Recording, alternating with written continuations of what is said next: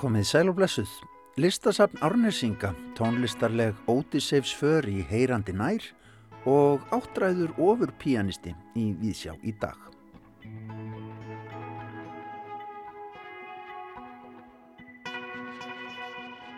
Á laugardaginn opnuðu hvorki meirann í minna en fjórar síningar í listasafni Árnesinga í hveragerði. En það voru síningarnar Róska, Íðustreimi, Yfirtaka og Kvítur. Í viðsjádagsins kíkjum við þangað í heimsókn og ræðum við síningastjóra og listamenn sem það reyga verk. Verk Rósku eru lögð undir stærstasalinn á síningunni Íðustremi eiga verk Gjörningaklúpurinn Katrín Elvastóttir, Kristín Gunnlaugstóttir, Sara Björstóttir og Elisabeth Jökulstóttir.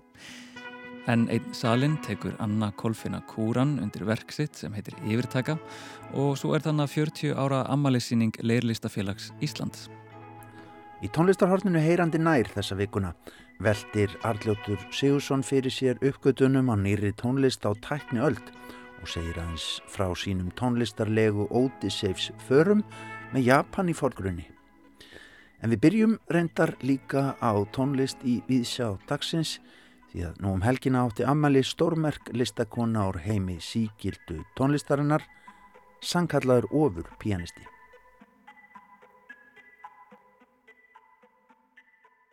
Hún er eins konar Grand Dame, helsta hefðarfrú síkildu tónlistarinnar um þessar myndir.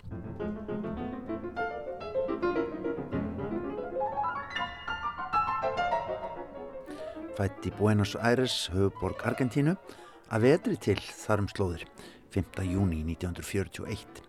Já, ég er að tala um pianistan Mörtu Argerits sem að hjælt upp á áttræðisamæli sitt nú um helgina.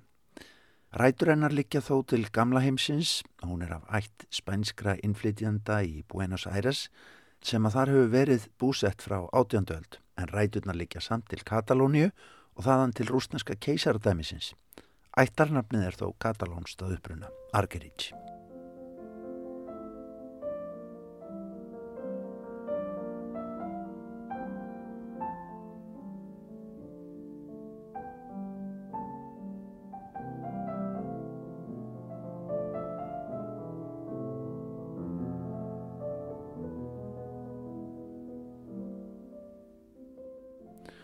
Marta var heldur betur bráþróska þegar komað píjánuleiknum.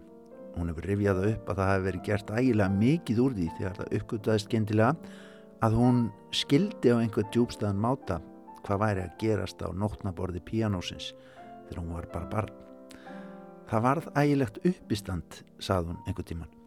Og fljótlega var fundin kennari til að rækta hefileikana sem að einhvern veginn voru þarna bara. Þegar Marta var unglingur, 14 ára, Þá flutt hún til Evrópu með fjölskyldu sinni og læriði meðal annars hjá Frídrik Gulda í Östuríki, heimstæktum pianista sem hafði mikil áhrif á hugsunennar. Síðar átt hún eftir að reyna að læra hjá heimstæktum mönnum sem að engan veginn pössuðenni sem kennarar. Öðrum ofur pianistum þess tíma eins og Vladimir Horowitz og Arturo Benedetti Michelangeli. Á sjött áratögnum fór Marta síðan að sigra í píanokjöfnum skiljanlega En það kom líka bakslag í framgang hennar þegar að pressan varð of mikil, of snemma og hún snert ekki hljóðfærið í þrjú ár. En svo fyrir hjólinn aftur að snúast og henni skaut upp á stjörnuheiminin árið 1965 þegar hún segraði í Chopin píjánukeppninni og leik sína fyrstu tónleika í Lincoln Center í New York. Þá var hún líka farin að gefa út stórkostlegar hljóðritanir sem enn geta sleið hlustendur út af læginu og ekki eðlaði útlitið heldur fyrir markaðstarfinu, þetta síða hár, þessi ljósi vangi og dularfullt brosið. Síðan þá, þarna í upphafi sjönda áratugurins, hefur Marta Argerich að margramæti verið af stærstu píanistum heims og stærstu listamönnum heims í síkildu tónlistinni. Marta hefur verið sparsum á viðtölu gegnum tíðina en í nýjasta hefti gramafón tímaritsins er talað við fjölmarka um hana. Þar lýsa til dæmis velþektir pianistar förðu sinni á því hver leikurinnar hafi verið ótrúlega blæbreðaríkur og glæsilegur á allra síðustu árum. Hún hafi einfallega ekkert látið undan. Og bladamæðurinn, Tim Parry, orðan það svo að sumir listamenn geti leikið þannig að þeir verðist skapa tónverkin á staðnum. Það sé meiri hátar dularfull náðar gáfa þegar oftir um alda gamla tónlist að ræða. Til þess að miðla slíkri síkvikri náðar gáfu Láta hlustandan halda að þú sést að skapa eitthvað í hitaleiksins þarf tvent. Í fyrsta lagi verður slikt frelsi til með djúbum skilningi á verkunum sjálfum og auðvitað skýrri og leiftrandi meistara leikni. Og í öðru lagi þurfi listamæðurinn að vera tilbúin að setja sál sína að veði við flutningin, taka algjöra áhættu og það hafi Argerít skert aftur og aftur á ferli sínum. Líkamleg og tæknileg áhætta hefur verið þetta aðalsmerkjum píanistans argentínska, nokkuð sem kemur aftur og aftur upp í greininni í gramafón. En þessi glæsilegi píanisti, áttræðað aldri, er enn að. Fyrir helgina kom út ný plata með leikanar frá Deutsche Gramafón. Þar leikur hún einleik í Fantasíu Claude Debussy fyrir piano og hljónsveit undir stjórn Daniels Barenboim. Hann leikur síðan á pianoið með yngri listamönnum, nokkur af kameruverkum tónskáldsins franska og stjórnaralokum meistaraverkinu ódöðlega La Mer.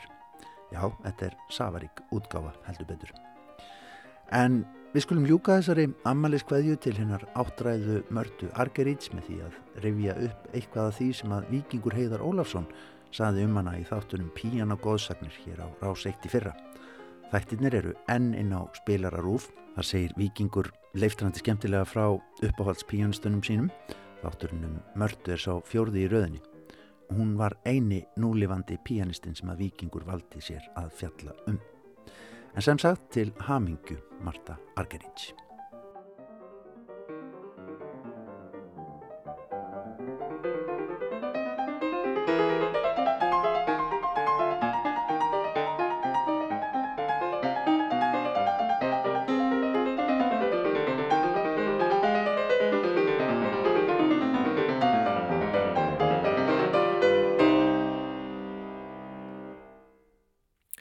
Marta Argerits að spila Capriccio loka þátt úr partitunúmer 2 í Sémól eftir Jóhann Sebastian Bach. Bach með attitút. Marta jafnvel svolítið herska á hérna. Ég myndi ekki segja brussulega en hún tekur sér alveg sitt pláss. Það er skap í henni.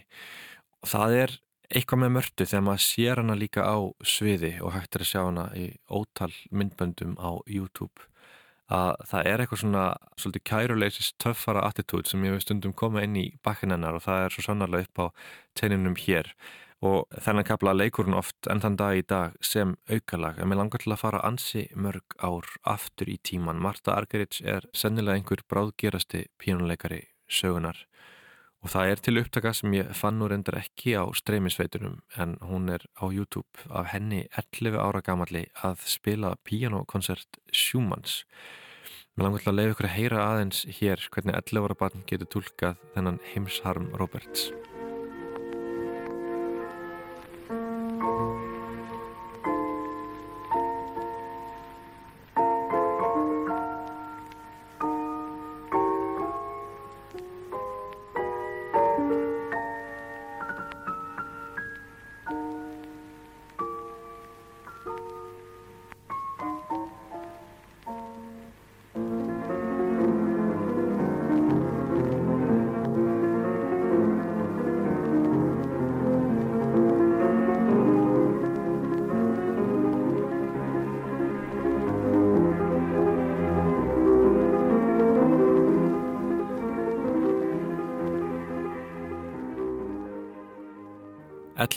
Marta Argerits að spila brotur pianokoncerti Roberts Schumann.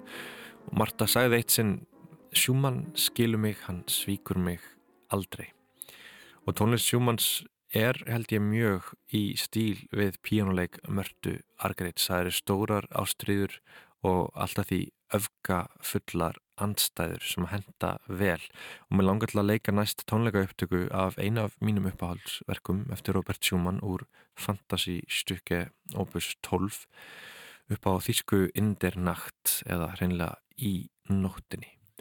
Og hér er Marta eins og ofta áður á tónleikum á Istunöf hún er mjög framalega í slæginu eins og hún er svo oft.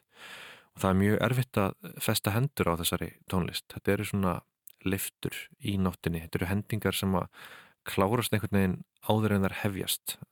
Mitt lætensjátt skrifar Schumann eða með ástriðu og hér eru þessar bröttu fraseringar og styrkleika breyningar sem að Marta beitir svo oft.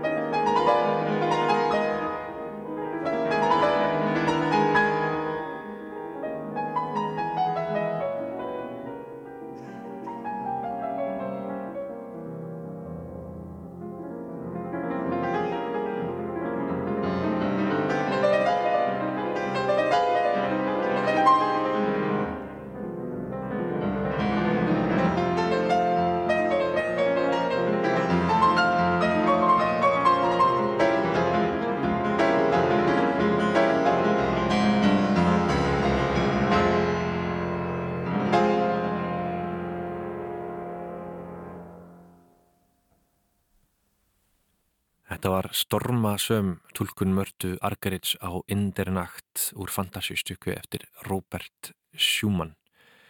Men mér langar að færa okkur svolítið úr þessari romantísku mörtu Argerits og yfir í klassísku mörtu Argerits. Hún spilar nú ekkit sérstaklega oft Mozart. Þó eru fáir betri í hennum stranga klassíska stíl. Mér langar til að leika fyrir ykkur gullfallega tónleikaupptöku frá 1960 þegar Marta er ennþá bara á unglingsárunum og það er þetta með stóru pianistana að þeir eru áhugaverðir í hreinlega öllum stílum hvort sem það er samála þeim eða ekki. Þú getur sagt það um Sergei Rachmaninoff þegar hann leik barokk tónlist. Þú getur sagt það um Vladimir Horowitz að þegar hann leik Debussy þá er það eitthvað alveg einstakt þó hann hafi gert mjög lítið af því og þannig getur maður haldið áfram og þó að Marta Argreit sé kannski helst þengd við Schumann, Jabel Prokofiev og Rachmaninoff og Chopin þá er dásamlegt að hlusta á hann að spila Mozart og Bach. Hér er annar þáttur Andante Cantabile úr sónundu í Bjetur eftir Mozart K333. Ég ætla ekki að hafa mörg orðum það en þetta er einhver fullkomnasta og fáaðasta Mozart tólkun sem ég hef heyrt.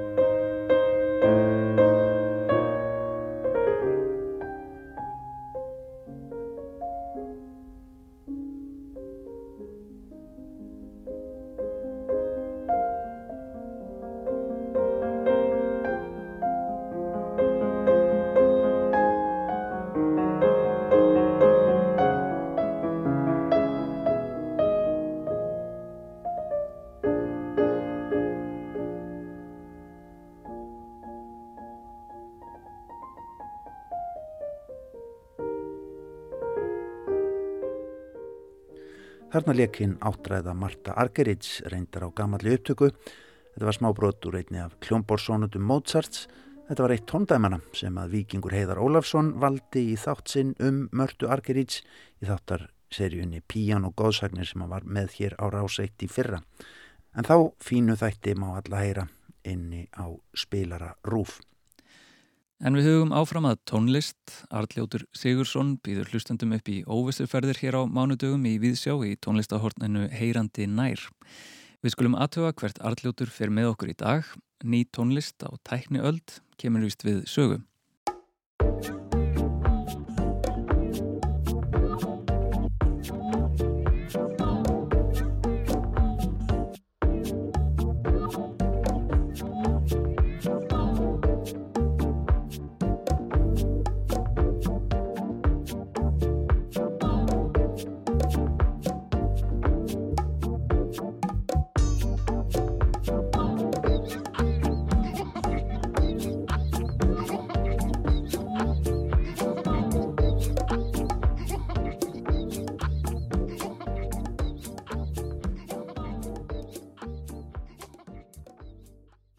Í dag verðist sem algengasta leiðin til að rekast á nýja tónlist við hæfimanns sé í gegnum algoritma eða algrím tónlistarveitana eða þá lagalista þeirra. Eftir þeirri leið geta manni borist gullmólar í svipuðum dúr og þeir sem maður sækir mest í. Einfalda útskýringin er að algrímið greinir hvað fyrir nálina hjá manni og ber mann saman við aðra hlustendur með svipaðan smekk. Úr spilurunarmengjunum finnur algrímið svo þau lög sem maður hefur ekki spilað með veitunni áður og ber á borð fyrir mann. Talsverðar líkur eru svo á því að manni líki niðurstaðan eða eins og segir, líkur sækir líkan heim. Fyrir hafnarleysið er kostur og frábært að geta skrúað frá krana sem spilar aðeins það sem líklegt er til vinsalda hjá manni. Þegar ég hafði Spotify á leigu var það þó jafnan til að spila tónlist sem ég átti ekki til á förstu formi heima. Uppáhaldsdiskunum og plötunum í safni mínu bráð því oftar en ekki fyrir í meðmælabrifu með Algrímsins og Spotify og let Algrímið sem svo að ég hefði aldrei heyrt uppáhaldslögin mín áður en það vissi það ekki betur. En því miður þá svalaði vatnið í þessum meðmæla krana streymisveita ekki þorsta mín. En til eru fleiri leiðir til að kynast nýri tónlist. Sænilega skrítnasta leið sem ég hef fetað í þessum efnum var einstök tilvölun. Fyrir einhverjum árum sopnaði ég með síman upp í rúmi, yfir nóttina bylti mér eitthvað svo hann lág undir aukslminni undir morgun. Svo vakna ég við tónlist úr símanum þá er það SoundCloud forreitið að spila lag. Er það mér hulin ráðgata hvernig mér tókst að aflæsta síman og ræsa spilaran með aukslinni einni saman en kirsuberið á rjómatertu tilvilunarinnar var svo titill lagsins Don't Go Sleep með Susumu Yokota remixað af Choco Abba.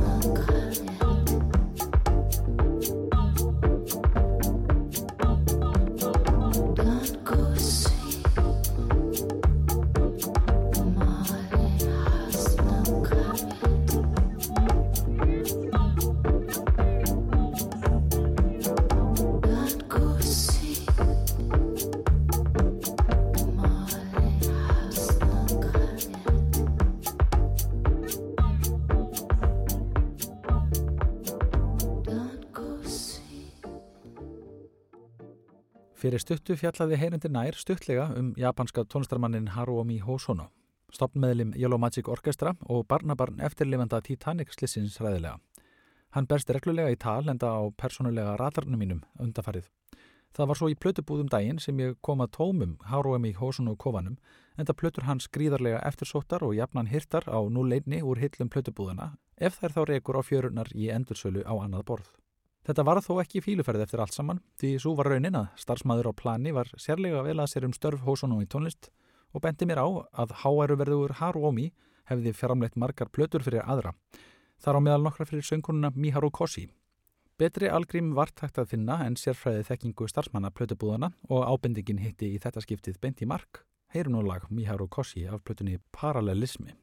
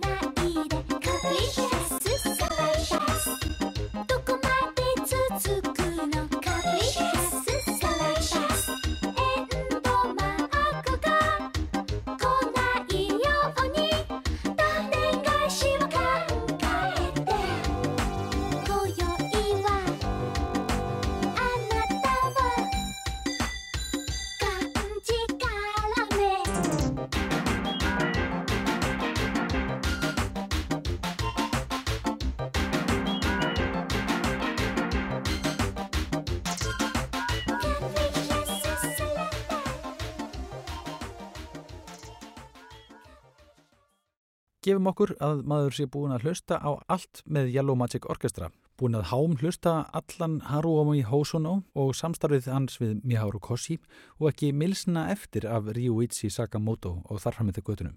Með yngar nýjar uppgötanir af áþekku efni frá tónlistarbúblu sem maður dregst í með óslökkvandi þorsta í meira. Hvað er þá til bræðis að taka? Þegar maður þurr eis tónlistarbrunnin sinn Þá er bara að grafa dýbra, byggja fyrir sér og vona það besta.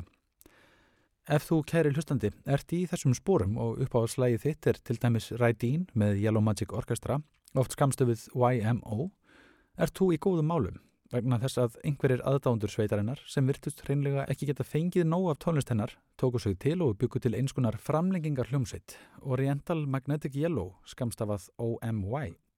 Þetta tónlistarverkefni tekur þekkt lög Yellow Magic Orchestra og snýr þeim á raunguna í einhvers konar afbökunum af upprunalögunum og notast svo við áþekkan hljóðheim og tempo. Gerir lög keimlík hinnum upprunalögu. Áður en ég afhjúpa svo Oriental Magnetic Yellow skulum við fyrst heyra brot af Raideen með Yellow Magic Orchestra til glöggvunar.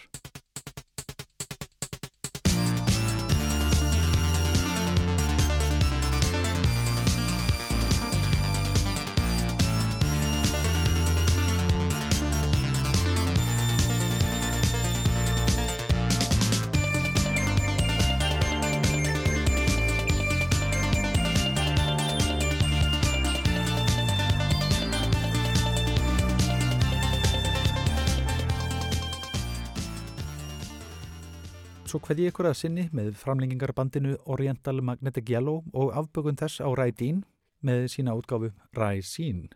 Heyrandi nær þakkar hlust, góðar stundir.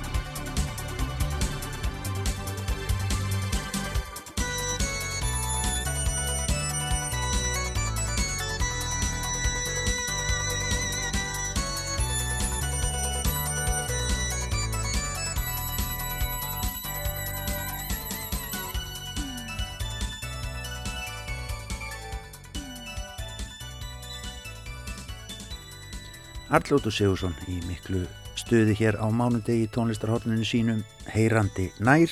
Hann velti fyrir sér uppgötunum á nýri tónlist á tækni öld og saði aðeins frá sínum tónlistarlegu Odysseifs förum eins og hann kallaði svo og þá með Japan í forgrunni. Og áframhöldum við að greina frá ferðalögum hér í Víðsjá. Tómas Ævar fór líki ferðalag en bara austu fyrir fjall. Áfangastæðurinn hveragerði.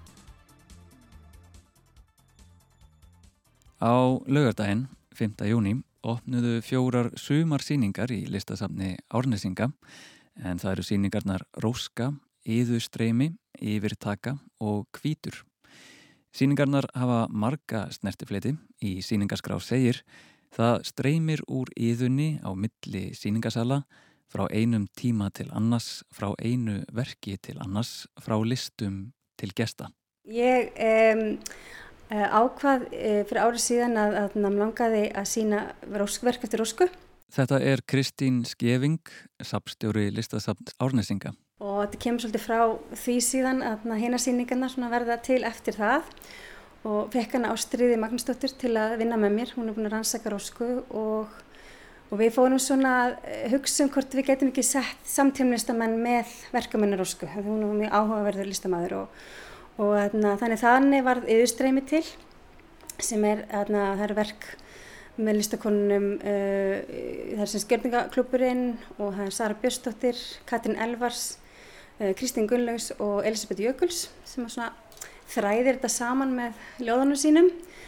Og stuttu síðar kom hún Anna Kolfina til mín og mér fannst það einhvern veginn passa algjörlega inn í þetta mengi, hún er með yfirtöku, þetta er ómikið svona hvenn orkan fær svolítið svona að, hvað segir maður, bara að ráða ríkjum í safnunni í sömur og þar eh, varum við semst þáttökugjörning sem bauð konum hérna í síslunni, árni síslu að taka þátt. Og það verður, eh, semst, já, verður í allt sömur og svo var, er pop-up síning sem er leirlistafélag Íslands að halda upp í 40 ára ammali þannig að þetta er, það er endar kannski svona það er í, í sal öðna, fjögur, svolítið svona ólíkt kannski hinum en það er skemmtileg svona tenging á milli því við erum með alla ljóðbókin hennar Elisabeth hérna á öllum veggjum í safninu og það er allir með sett ljóð um það er mjög mjög kvítt í einu ljóðinu og við setjum það svolítið svona nála þeim sal þannig að þetta flæður svolítið á mikið sa, milli salana og, og bara virkar ótrúlega vel. Stærsta síningin af þessum fjórum það er þessi stærsta salnum, er síningaverkum Rósku. Ég náði tali af ástriði Magnúsdóttur, síningastjóra síningarinnar og við rættum um þennan merka listamann, Rósku. Hún er svo fjölhæf. Hún, hún er málari, hún er teiknari, hún er geggjaður hönnur, grafiskur hönnur þó að það ekki heiti það á þeim tíma. Hún er grafiker og hún gerir klippimyndir og hún gerir gjörninga og hún gerir vídeo og hún gerir bara einhvern veginn allt. Skúltúra, og hún bara, hún bara einhvern veginn kýlir á allt.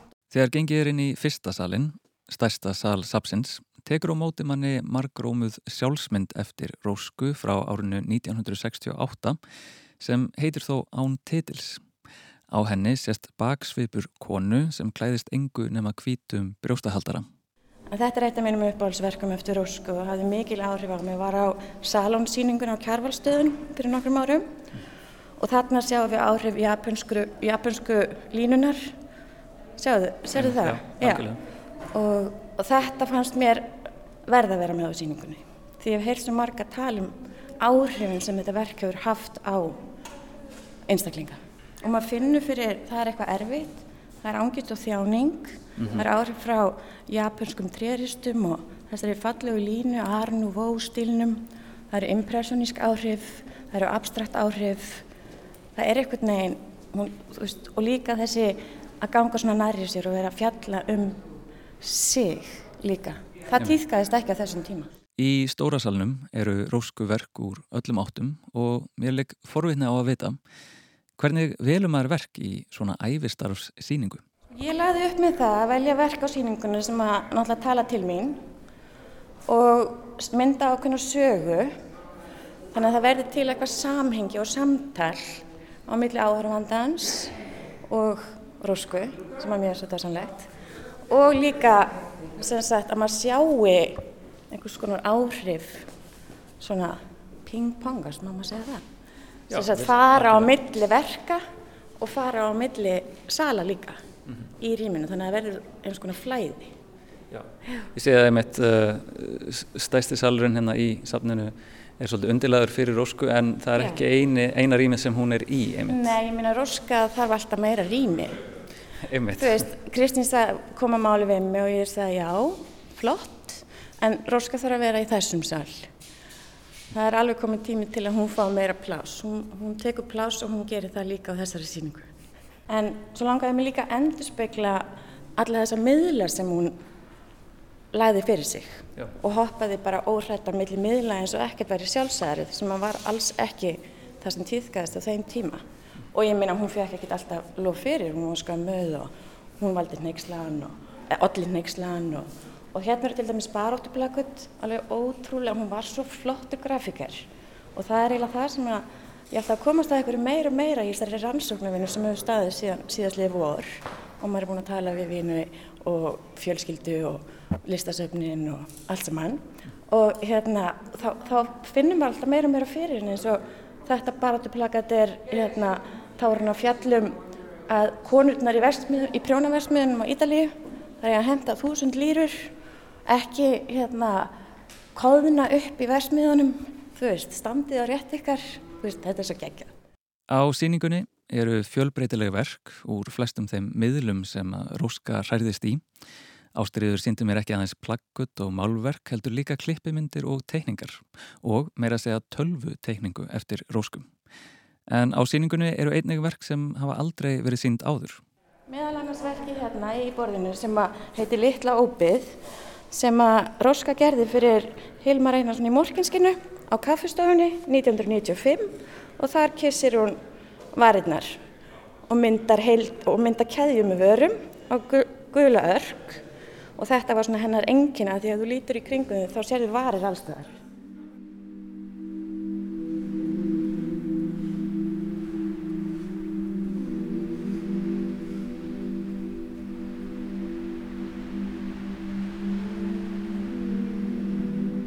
Þá gangum við inn í næsta rými á listasafni Árnæsinga og ég stend hérna með eh, listakoninni Önnu Kolfinu Kúran og uh, herbergið er raukt og við stóð, stöndum á móti rauðklættum konum á skjá Anna, hvar eru við?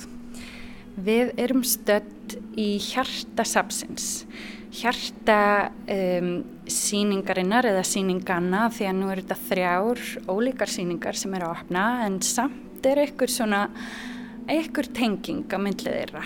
Og uh, þetta rými sem við stöndum inn í er í miðjusapsins og eins og þú segir að þá er allt raukt, vegginir, gólfið og loftið er raukt og svo er verið að varpa þessu vídeoverki um, sem er tekið upp hérna í safninu. Um, Vídeoverkið uh, er hluti af uh, gjörningaruð sem heitir Yfirtaka sem að ég hef verið að þróa.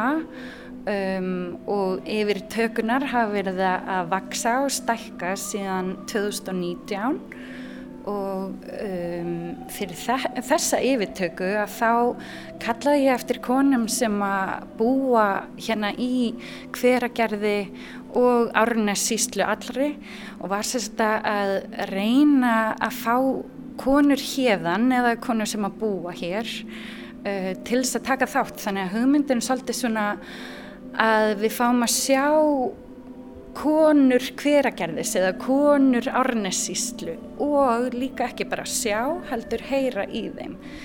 Þær eru sér sagt að nota röddina allan tíman, þannig að gjörningurinn er bæði kóreografískur af því að við um, hönnum svona alls konar munstur inn í rýminu, inn í öllu safninu, ekki bara hér inn í þessu rauðarými uh, og svo er þetta líka hljóðverk af því að það nota röttina já. Já, uh, kannski augljó spurning uh, verandi inn í þessu rými en hvaðan kemur rauðileiturinn? Einmitt. Sko rauðileiturinn hefur kannski svolítið fyllt mér og mínum verkum lengi en hann er svo sterkur um, og kannski svona tákgræn fyrir margt Það sem að maður hugsa náttúrulega um er, er innvortis líkaminn og svo líka bara sko eldmóður og eh, eitthvað svona kraftur og rauðsokkunar auðvitað og þetta er, þetta er tákgrænleitur eh, finnst mér fyrir feminisma og fyrir hérna konur eða hvern réttinda baráttu um, en hann er líka eitthvað svo fullur af ástriðu og fullur af alls konar rauðum tónum sem við sjáum líka hér inni. Þetta er ekki allt sami liturinn og konunar sem við sjáum hér á skjánum eru ekki allar í sama rauðalitnum. Það er líka eitthvað með þetta og bara blóðkornin og, og blóðið sem að tengir okkur og rauði þráðurinn í lífinu einhvern veginn. Þetta er kannski svona svolítið stórt svar en, en ég held já, einhvern veginn bæði tengt minni listrænu sín og svo bara hefur þetta svo marga tengingar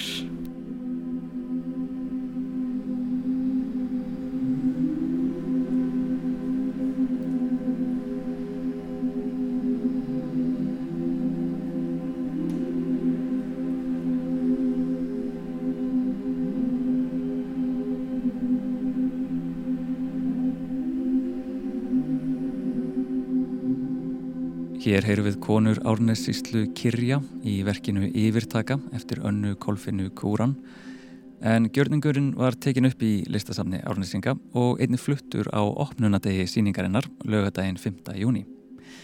En í næsta sal, innsta salnum í safninu, er síningin Yðustreimi. Þar má sjá verk eftir listamennina Kristínu Gunnlaugsdóttur, Söru Björsdóttur, Katrínu Elvasdóttur, Elisabetu Jökulsdóttur og vídeoverk Gjörningaklúpsins.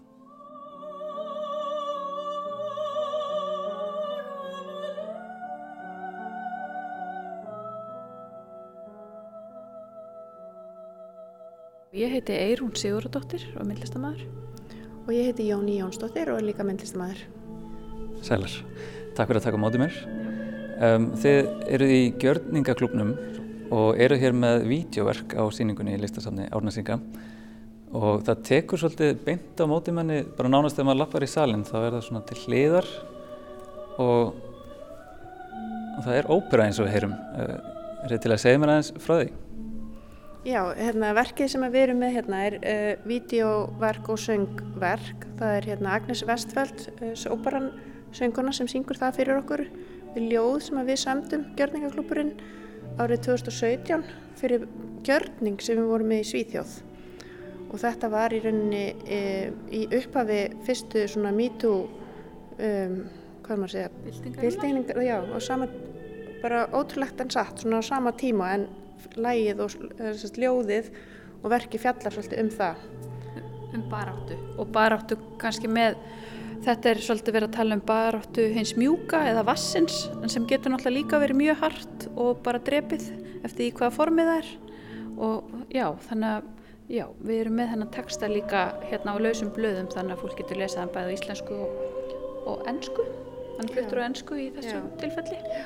Þetta fjallar svolítið um, þetta, það heitir Aqua Maria og lægið er, eh, og ljóðið er, frekar lægið, það er sagt, remix af Ave Maríu Schubert og Ave Maríu Kaldalóns við okkar ljóð Aqua Maria og við sjáum hana Aqua Maríu sem svona takkurmynd fyrir einhvers konar, uh, já, fyrir þennan byltingarnar sem eru búin að vera í gangi á undirfærnu og svona um, þessar netbyltingar svolítið sem eru svona svolítið eins og hafið.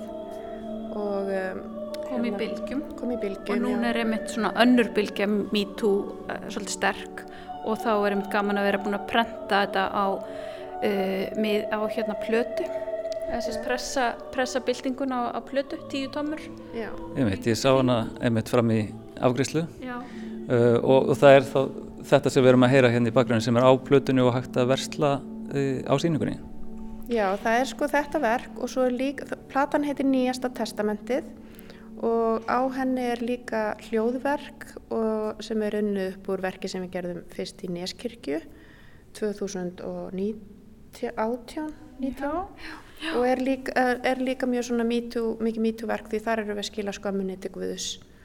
Fyrir höndmarju megar. Já, og hinn hlið plötunar er svona um, kristalskála spil sem er svona, önnur skálin er uh, tengir þig við hjartað og hinn við röddina sem er svona, allt, tengist allt þessar byltingar þessum byltingafræðum okkar. Mm -hmm. Þetta er svona heilunarliðin, bjelliðin.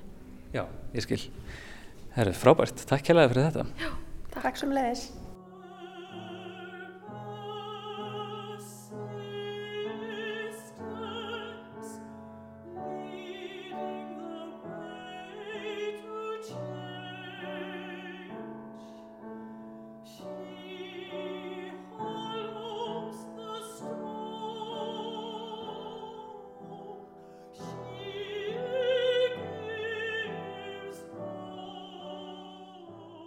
Aqua Maria.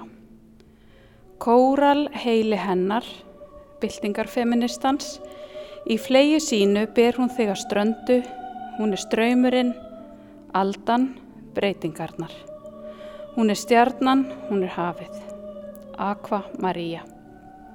Þrautsegja hennar vísar breytingana leið, hún holar steinin, hún heitir von. Við erum öll vatn, Við erum öll Aqua Maria. Fylgjum tunglinu, fylgjum strömmnum, fylgjum hjartanu. Aqua Maria. Eirún Sigurdardóttir les hér ljóðið sem sungið er í verki Gjörningaklúpsins Aqua Maria á síningunni Íðustreimi í listasamni Árnesinga. En við hliðin á því verki hangir ljóð á vegg eftir skaldið Elisabetu Jökulsdóttir. Það er úr ljóðabókinni Sjáðu, sjáðu mig, það er eina leiðin til að elska mig. Ég náði tali af henni og spurði hvernig tilfinningin væri að setja upp ljóð á myndlistasýningu. Já, það er náttúrulega mikil heiður að tróða sér inn hérna á myndlistasýningu en uh, það vildi þannig til að þetta er úr ljóðabók sem að hérna kom út 1995 og engin á þar bara til held ég tvö endugafinni og Kristín uppgötaðan upp og nýtt og eða uppgötaðan bara alveg og er með ljóð hérna upp, upp á veggjum og allstaðar og En, en hérna, sko, mér finnst eins og þetta þegar ljóði hangi svona uppi að þá er þetta í rauninni myndlistaverk. Þetta eru stafirnir og, og hérna ljóðið og, og það gefur líka ákveðna mynd, sko, en já, minnst þetta að vera bara eins og myndlistaverk, þannig að ég verð ekki eins feimin að vera með. Um, en af hverju þessi bók? Þetta er náttúrulega að því við erum að tala hérna um kvennasýningu þá er þetta rödd konu sem hefur farið frá jörðinu út af áfalli sem hún fjekk. Hún gæti ekki lengur verið á jörðinni þannig að hún fór bara út í geimin og bara sagt, mist allt samband við jörðina. Og uh, þessi ljóð komu eftir snjóflöðun á flatir og þá vakna upp áfalli mér og ég fór upp, að, upp í herbyrgjum mitt og orti eitt ljóð, svona handskrifa á hverju kvöldi. Og svo voru komin 30 ljóð og þá hvað ég að gefa það út og á þorlagsmessu gaf bara all eintökinn og ég hugsa eins og ég segi það er ekkert einn einn eintök eftir. En hún er sem sagt hún fer í gegnum það hún er að koma aftur til jarðarinnar og, og hérna hún er að takast á við áfalli sem hún fekk að bara áfall sem hún fekk þegar að Hún var lítið stelpa og gati ekki verið hérna á staðnum að því að hún elst upp við alkoholist heimili. Og það er bara nóg áfall fyrir lítið barn þannig að hún fer. En þetta er kona samt sem að segir söguna og hún er að aukvölda sér líka á kynferðislega og, og hérna á kvenlegan hátt og, og hérna styrkleika sinn og leifa sér að bara ripna í sundur og, og hérna hleypa öllum fugglunum út sem eru innra með henni. Og svo endar hún, þetta er sem sagt svona ferli sko, hún endar á því að finna sína einn rödd. Og það er kannski röddin sem við erum að finna hérna á þessari síningu, það er röddin sem að gjörningaklúburinn er með og rödd rósku. Og uh, þessi kona í bókinni hún finnur sína einn rödd og segir sko, hún kemur úr frumunum og hún kemur úr eldgamlu myrkri, úr ókomnu ljósi, hún kemur úr beinunum, vöðvunum, taugum og inniblum vegna þess að röttin er ekki bara hérna í rappandun með hálsinum, röttin er í líkamannum og þegar ég skrifa að þá er ég að skrifa með líkamannum, sem að ég er að skrifa með vöðvum og taugum og beinum að því að röttin er þar líka. Og uh, röttin, röttin röndin eh, er, er hérna, erum við og er kannski myndlistaverk í, í rauninni eins og, eins og við erum stundum. Þannig að, að hérna, ég held að þessi bók, hún, hún er að konu sem að, er að takast á við áfall, hún er að konu sem er að leita röndinni sinni og uh, hún finnur hana, endar vel, hættir að happy end sko. Elisabeth Jökulsdóttir, takk kærlega fyrir að koma í við sjá. Já, það var lítið.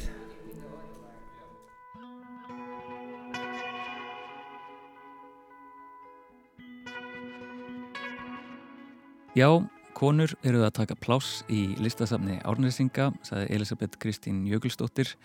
Sýningarnar Róska, Íðustreimi, Yfirtaka og Kvítur opnuðu á lögadaginn í safninu og verða opnar í allt sumar.